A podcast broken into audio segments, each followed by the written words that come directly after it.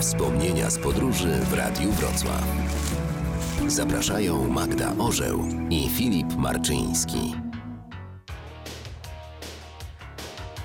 Jeśli idzie o latanie samolotami, to raczej mieliśmy szczęście. Setki lotów bez incydentów, nigdy nie widzieliśmy wypadających masek tlenowych, prawdę mówiąc, nigdy nawet jakoś szczególnie nie trzęsło.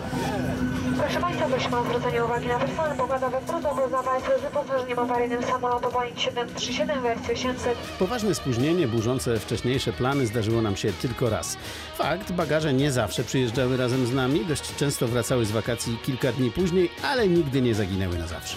Często znajomi mówili, och, taką linią to nigdy bym nie poleciał, kiedy słyszeli o przewoźnikach z krajów, o których w ogóle mieli mgliste pojęcie. Ale takie kraje często mają nowiutką flotę, świetny serwis i tanie bilety. O bezpieczeństwie i punktualności decyduje organizacja. Decydują ludzie, których pracy nie dostrzega się. Właściwie to raz przeżyliśmy poważny incydent, ale o tym nie wiedzieliśmy. Albo wiedzieliśmy tylko połowicznie. Wracaliśmy z Bangkoku nieistniejącą już linią naszych sąsiadów ze wschodu. Stary Boeing był może i trochę rozklekotany, jedzenia niewiele, alkoholu w ogóle, a woda trochę z łaski. Ale tanio i leciał. Na krótko przed lądowaniem zaczęło niestety poważnie śmierdzieć spalenizną. Coraz poważniej. Pasażerowie wołali personel, żeby spytać o co chodzi, ale panie mówiły tylko, że wsio w pariatkie i zaraz wylądowaliśmy.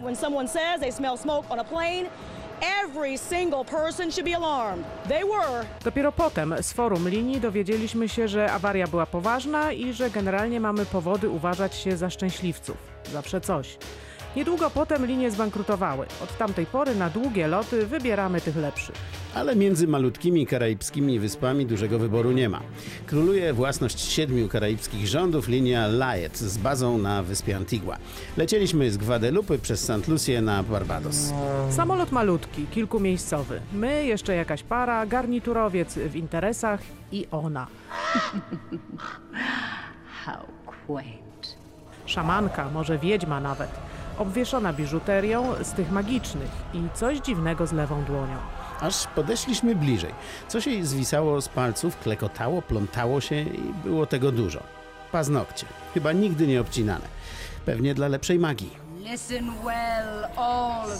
Tuż za nami usadowił się pan z plastikowymi pudełkami. Miał ich setki, takich na jedzenie, na wynos.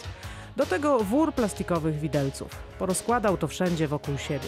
Przyszedł pilot i kazał mu przełożyć to do luku.